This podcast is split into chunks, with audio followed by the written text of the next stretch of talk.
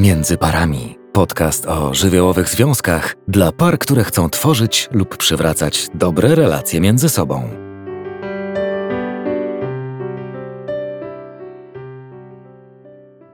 Dzisiaj chcę Wam powiedzieć kilka słów o potrzebach, a właściwie o tym, dlaczego mówienie o potrzebach nie działa i podać kilka powodów. Bardzo dużo mówi się o tym, że trzeba mówić o swoich potrzebach i je wyrażać sama. Tego też Was uczę w różnych miejscach i mówię o tym na webinarach, w kursach i w e-bookach. Ale dzisiaj chciałabym powiedzieć o takich sytuacjach, w których to mówienie o potrzebach rzeczywiście może nie zadziałać. Co też sami zwracacie uwagę i piszecie do mnie w związku z tym, że ale jak to jest? Ja tutaj wyrażam te potrzeby, a się okazuje, że one właśnie nie działają. Kłótnie w związku najczęściej biorą się z tego, że mijamy się w swoich oczekiwaniach. I co za tym idzie, nie spełniamy potrzeb drugiej strony, nie zaspokajamy też swoich potrzeb. Bardzo często też pojawia się takie pytanie, kiedy mamy te potrzeby drugiej połówki zaspokajać, a kiedy już nie. Do jakiego stopnia ona powinna zaspokajać moje potrzeby, a kiedy już nie. I tutaj wchodzi trochę temat granic, który też myślę, że przy następnej okazji poruszymy, ale dziś skupimy się na tym, dlaczego właśnie mówienie o potrzebach może być nieskuteczne. Zaprasza Marita Woźne. Często jako argument na to, że mówienie o potrzebach nie działa, ktoś mówi coś takiego. Ja mówię o tych potrzebach, mówię i mówię, ale tak naprawdę to nie przynosi żadnych rezultatów. Tak więc, Powiedziałabym, że pierwszą przyczyną tego, że mówienie o potrzebach nie działa, jest to, że my tak naprawdę nie wiemy, co to znaczy to nie działa. Czyli punktem wyjścia do rozważania tego, czy nasze działania i sposoby rozmawiania z drugą połówką są skuteczne, czy też nie, to trzeba byłoby zacząć od tego, czy nie działa, to oznacza, że nie słyszy mnie druga strona i ona mi odmawia, czy może to, że miałabym poczucie, że mówienie o potrzebach działa, byłoby równoznaczne czy adekwatne wtedy, kiedy moja druga połówka realizowałaby i spełniałaby wszystkie potrzeby, no bo skoro je już wyraziłam, no to fajnie, jakby ktoś je wziął pod uwagę.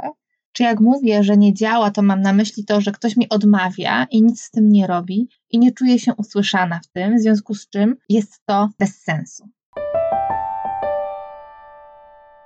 I płynnie z tego pierwszego powodu możemy przejść do drugiego powodu, dla którego możemy mieć poczucie, że mówienie o potrzebach nie działa.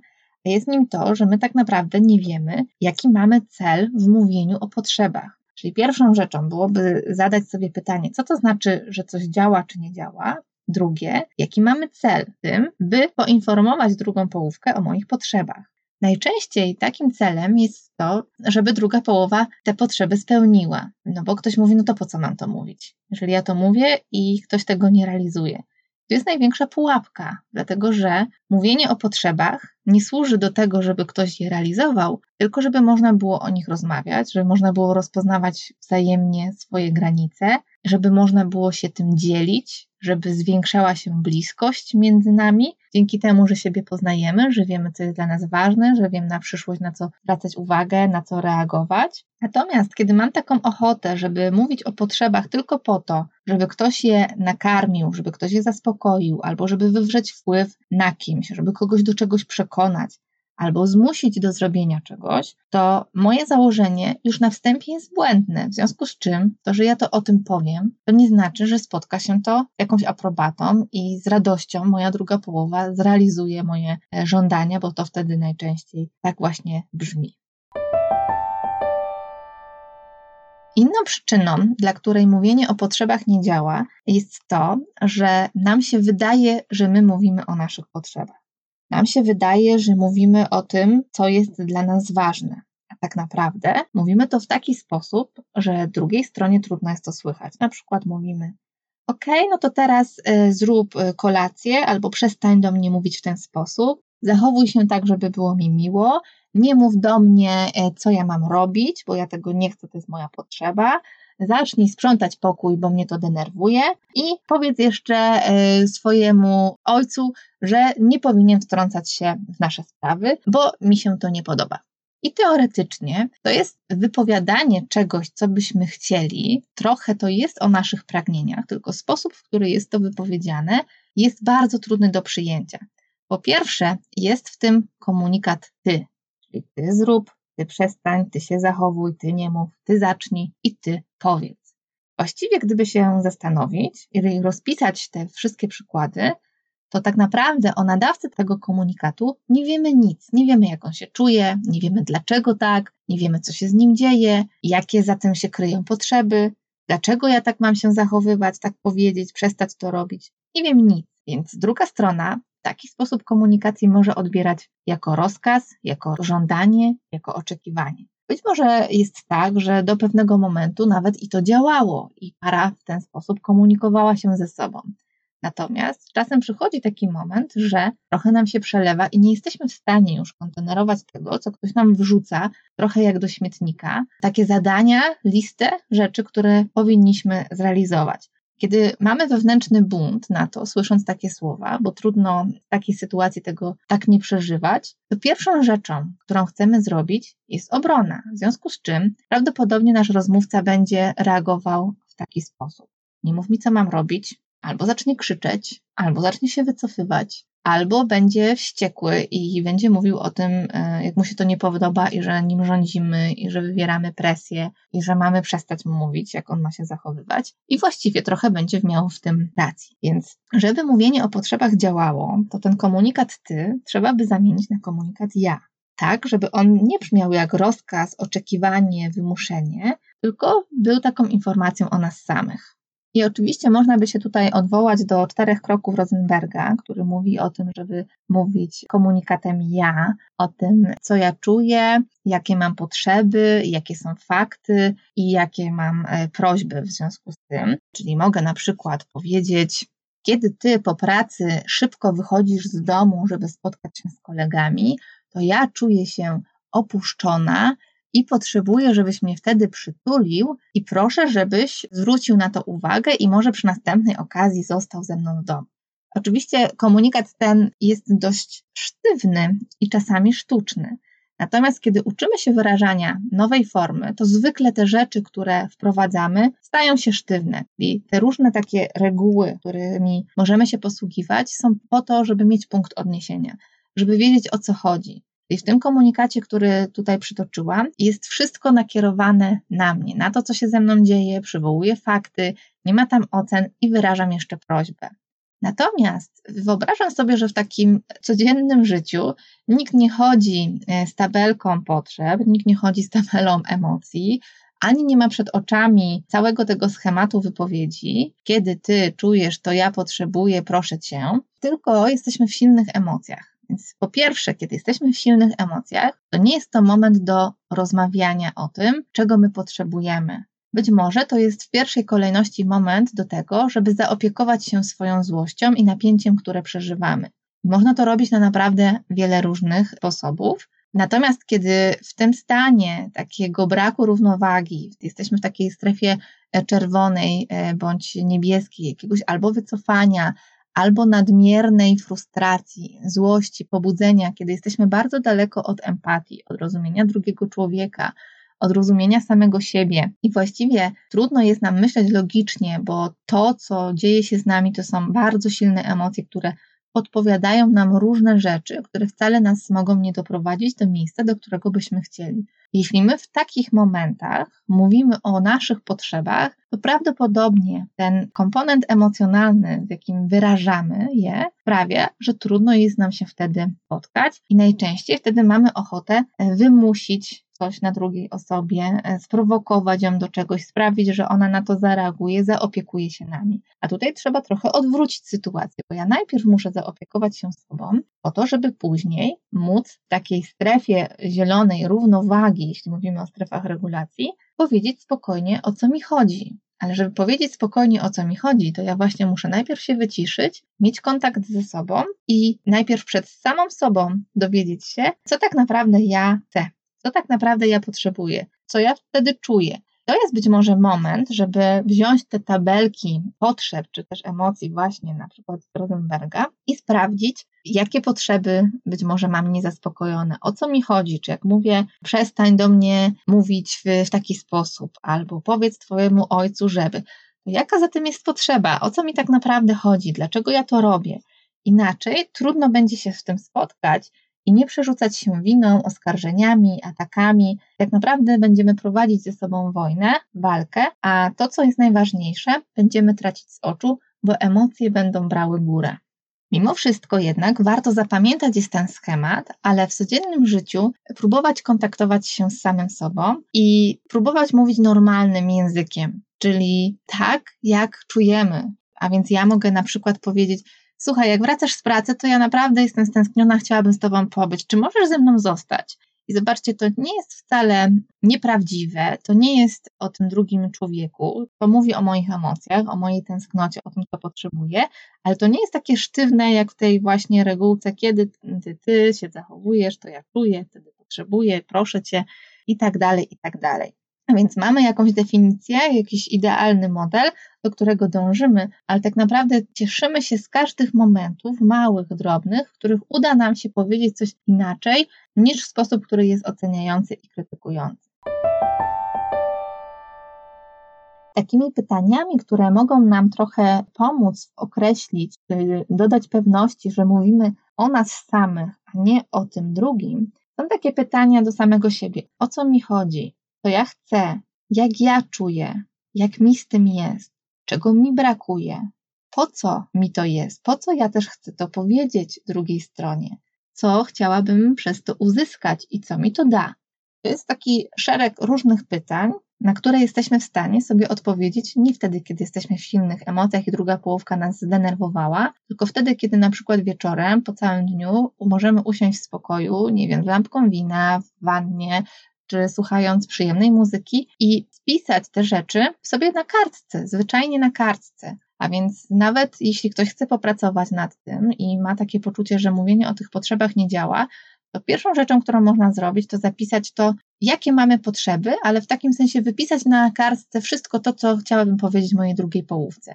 I zapisywać bez korekty, tak jak czujemy, tak jak leci w punktach, czy też nie, ale żeby przelać te nasze myśli na papier, a dopiero później można je przeanalizować i zobaczyć, ile w tym, co ja napisałam, napisałem, jest komunikatu ja, a ile jest komunikatu ty.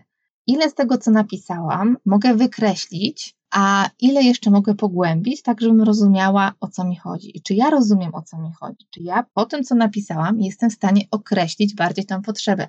Jak nie jestem, to sięgam listę potrzeb i sprawdzam po kolei, czy to jest potrzeba bycia wysłuchanym, potrzebnym, ważnym, zrozumianym, zobaczonym, bliskości itd., tak itd. I automatycznie przechodzimy do kolejnego punktu, dlaczego mówienie o potrzebach nie działa. A więc najczęściej mówienie o potrzebach nie działa, to tak jak usłyszeliście, ale to warto jakoś podkreślić, jest to, że my nie znamy swoich potrzeb i dopiero musimy je poznać. Czyli nam się wydaje, że my mówimy o potrzebach, a tak naprawdę bardziej mówimy o naszych oczekiwaniach. Teraz to siadanie z listą potrzeb sprawia, że ja zaczynam siebie coraz bardziej poznawać, rozumieć o co mi chodzi. I to nie jest proces, który jesteśmy w stanie zrobić w tydzień, czy w miesiąc, czy nawet w pół roku. Ludzie na terapii latami pracują nad tym, żeby być bliżej siebie, żeby uczyć się rozpoznawać swoje granice, dbać o nie, mówić o potrzebach, mówić językiem bardziej serca niż tym, którym jesteśmy zwykle nauczeni, a więc jakiś etykiet i ocen. Tym wszystkim możemy oczywiście pracować samodzielnie w domu nad tym i zwiększać swoją samoświadomość, ale potrzebujemy dyscypliny i Kolejną rzeczą, która sprawia, że mówienie o potrzebach nie działa, jest to, że my się bardzo szybko poddajemy. Brakuje nam cierpliwości, wytrwałości do tego, żeby stosować ten sposób mówienia, który jest całkowicie nowy. I nam się wydaje, że jeżeli ja nie powiem zgodnie z tą regułką, tak idealnie, to znaczy, że mówię źle, że ona w ogóle bez sensu trzeba ją wyrzucić do kosza. I trzeba wziąć następną strategię. Tylko najczęściej to wcale nie chodzi o strategię, tylko o zbliżanie się do samego siebie, do swoich uczuć i jakiegoś takiego kontaktu z tym, mm, jakie to są przeżycia we mnie, co ja mogę inaczej. Jeśli mi jest samemu trudno, mogę znaleźć inną osobę, która będzie mi w tym towarzyszyć, która będzie mi mówić, wiesz, jak to mówisz, to ja się czuję oceniona, a jak mówisz to w ten sposób, to jakoś to słyszę. Więc fajnie jest próbować sobie robić to z kimś, kto jest nam bliski, kto nas nie oceni, nie skrytykuje. najprawdopodobniej może to wcale nie być druga połówka, zwłaszcza jeśli to do niej mamy najwięcej jakiegoś żalu w związku z tym, że różne potrzeby nie są e, zaspokojone. I nawet jeśli to wszystko pięknie nam się uda, minie trochę czasu, czujemy, że jesteśmy już trochę bardziej sprawni w tym mówieniu, że przychodzi nam już to z większą łatwością, to nie oznacza dalej, że będzie to działało zawsze. Dlatego, że będąc z drugim człowiekiem, my dotykamy własnych granic, mojej przestrzeni i przestrzeni tej drugiej osoby. I musimy budować naszą wspólną przestrzeń. Najczęściej jest tak, że kiedy nie mamy znajomości własnych potrzeb i spotykamy się w związku, to mniej więcej możemy sobie wyobrazić metaforycznie tą sytuację, która wyglądałaby w ten sposób. Idziemy przez życie z plecaczkiem, w którym mamy niezły bałagan, bo rodzice, inni dorośli, rówieśnicy powkładali nam do tego plecaczka różne rzeczy, które są dla nas trudne. To są takie kamyczki, które sobie tam dźwigamy. Każdy kamyczek ma jakąś tam nazwę. Różne trudy, możemy nawet je sobie wypisać w ramach ćwiczeń, co ja takiego w tym plecaczku sobie niosę. Mam tam jeden wielki chaos, bałagan, jest mi już strasznie, strasznie ciężko. Teraz, kiedy poznajemy się z drugą połówką, to ona ma dokładnie taki sam bagaż, który niesie. I kiedy zaczynamy się spotykać, kiedy jesteśmy sobą zauroczeni, nasz mózg trochę wariuje, szaleje. To jest trochę stan jakiegoś takiego uzależnienia. No, mówimy o tym jak o zakochaniu, ale wszystko to, co się dzieje z nami, z naszymi hormonami, sprawia, że my wtedy nie patrzymy realnie. I mamy takie poczucie, że oto znaleźliśmy najwspanialszą osobę na świecie, która przecudownie jest w stanie odgadywać nasze potrzeby i że nikt nigdy na świecie tego nie robił tak doskonale. To oczywiście jest błędnym przekonaniem, które podpowiada nam nasza głowa. Ewolucja mówi o tym, że y, to wszystko to jest taki celowy zabieg po to, żebyśmy w ogóle mogli być w związkach, co niszczy romantyczną wizję związku. Ale kiedy mamy świadomość tego, że tak się dzieje w naszych głowach, to możemy pójść krok dalej, czyli w tamtym stanie, w którym byliśmy, takim dużym zakochaniu, e, trochę takim otumanieniu tym, że oto tutaj stoi przede mną człowiek, który doskonale zaspokaja moje potrzeby, no bo przecież pamiętajmy, że na, na początku związku każda ze stron stara się o to, żeby ten związek jakoś funkcjonował, żeby się pokazać z jak najlepszej strony. Jesteśmy w stanie się poświęcać, dopasowywać, a im dłużej trwa związek, tym nam trudniej o to.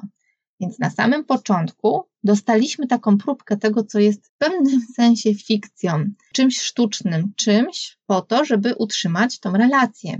I im dłużej jesteśmy ze sobą, tym trudniej jest funkcjonować w takiej bańce, którą sobie stworzyliśmy, i ona w pewnym momencie musi prysnąć. No ale kiedy jesteśmy w tej bańce, nauczyliśmy się tego, że nasza druga połówka jest zdolna do tego, żeby wziąć ten nasz plecak, powyciągać te różne rzeczy, oczyścić te kamyszki, poukładać je na miejsce i zabrać nam ciężar. Mamy takie wrażenie, taką wizję, czasem marzenie, że tak będzie zawsze, Czyli, że ona jest po to, żeby spełniać nasze oczekiwania, nasze pragnienia, nakarmić ten głód różnych potrzeb, bardzo różnych, które nie zostały zaspokojone dotychczas w naszym życiu. Niestety, bardzo trudno przychodzi nam to, by brać odpowiedzialność za własne potrzeby. Mówiąc odpowiedzialność, mam na myśli dokładnie to, o czym powiedziałam w tym podcaście, podając przykłady, dlaczego to nie działa. Czyli kiedy biorę odpowiedzialność, to uznaję przede wszystkim, że moje potrzeby są moje, że za moje potrzeby odpowiadam tylko i wyłącznie ja. Co działa w drugą stronę, że za potrzeby mojej drugiej połówki odpowiada moja druga połowa i ona może mi powiedzieć, co potrzebuje, co by chciała, jakie ma pragnienia, ale ja mogę odmówić. Ja nie jestem za to odpowiedzialna. Oczywiście, jeśli zmagam się z niskim poczuciem własnej wartości, generalnie trudno mi jest w relacjach, które są dla mnie bliskie i ważne, bo pojawia mi się lęk na przykład przed odrzuceniem, to ja mogę mieć ochotę opiekować się potrzebami mojej drugiej połowy, czasem nieproszona, czasem nadmiernie, czasem nadskakując po to, żeby poczuć się ważną. Odpowiedzialność to jest też mówienie: Słuchaj, ja się tym nie zajmę, to jest Twoje, i jeśli Ty jesteś ze mną tylko po to, żebym spełniała Twoje potrzeby, to ja tak nie chcę spróbujmy umówić się inaczej, zobaczyć, jak to może funkcjonować. Zależy mi na tobie, ale związek to jest jakaś wymiana. Czyli są pewne potrzeby, które jesteśmy w stanie wzajemnie sobie zaspokajać i takie, na które nie będziemy się godzić. I odpowiedzialność to jest też szukanie takiego rodzaju mówienia o potrzebach, które nie jest atakiem, a jest wyrażone w sposób, który nie rani drugiego człowieka. I ostatnie, mówienie o potrzebach musi zakładać możliwość odmowy, bo tylko wtedy jesteśmy w stanie budować empatyczną relację, inaczej ta relacja stanie się agresywna, funkcjonująca na zasadzie przekraczania własnych granic, domyślania się, czytania w myślach oczekiwań drugiej osoby. I ona przez pewien czas ma szansę nawet przetrwać, ale z czasem będzie się wypalać. Czyli dojrzały związek zakłada autentyczne bycie ze sobą. Autentyczne to znaczy, że ja bez lęku mogę mojej drugiej połówce powiedzieć, jak mi jest, o co mi chodzi, co ja czuję. Nie zostanę odrzucona z tym, ale bez lęku przyjmuję też odmowę lub komunikaty, które wcale nie są dla mnie łatwe. I my w tej szczerości i autentyczności jesteśmy w stanie się poruszać, budując wzajemną bliskość ze sobą. Jeśli więc masz tak, że czujesz, że w Twojej relacji, w Twoim związku z drugą połówką Twoje potrzeby są niezaspokojone, to po pierwsze sprawdź ze sobą, o jakie potrzeby Tobie chodzi, jak możesz je wyrazić, co y, możesz z nimi zrobić samodzielnie, a potem próbuj mówić o nich w taki sposób, żeby druga strona była w stanie Cię słyszeć. Na początku może to być rzeczywiście trudne, ale to jest etap, którego też możecie uczyć się razem i możesz próbować wciągać drugą połówkę właśnie do, do takich ćwiczeń. Jeśli natomiast czujesz, że wyrażasz potrzeby, ale mówienie o nich nie działa, to przesłuchaj podcastu jeszcze raz i przeanalizuj dokładnie to, co chcesz wyrazić względem drugiej połowy i sprawdź, w którym punkcie u ciebie to nie funkcjonuje i poszukaj zgodnie z tymi wskazówkami, które tutaj się pojawiły, co możesz zrobić inaczej. Najczęściej okazuje się, że my możemy zmienić delikatnie sposób wypowiedzenia tego, albo że możemy w ogóle odkryć, że za tym stoi jakaś potrzeba, którą jesteśmy w stanie zaspokoić sobie sami i to odpuścić. Więc rozeznawanie się w sobie, w swoim ciele, w swoich emocjach, w swoich potrzebach buduje świadomość naszą własną, a to wszystko sprawia, że nasz związek może stać się bardziej szczęśliwy.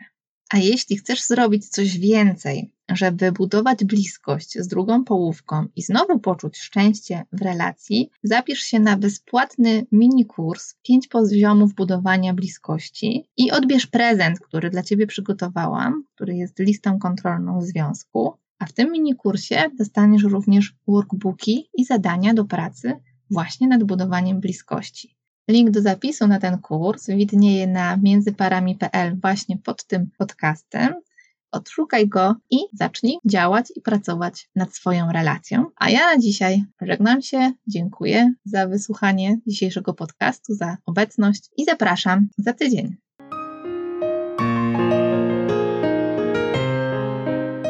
Jeśli chcesz posłuchać innych odcinków na temat psychologii związków, zajrzyj na międzyparami.pl. Jeśli masz propozycję tematu na kolejny podcast, wyślij wiadomość przez formularz na stronie.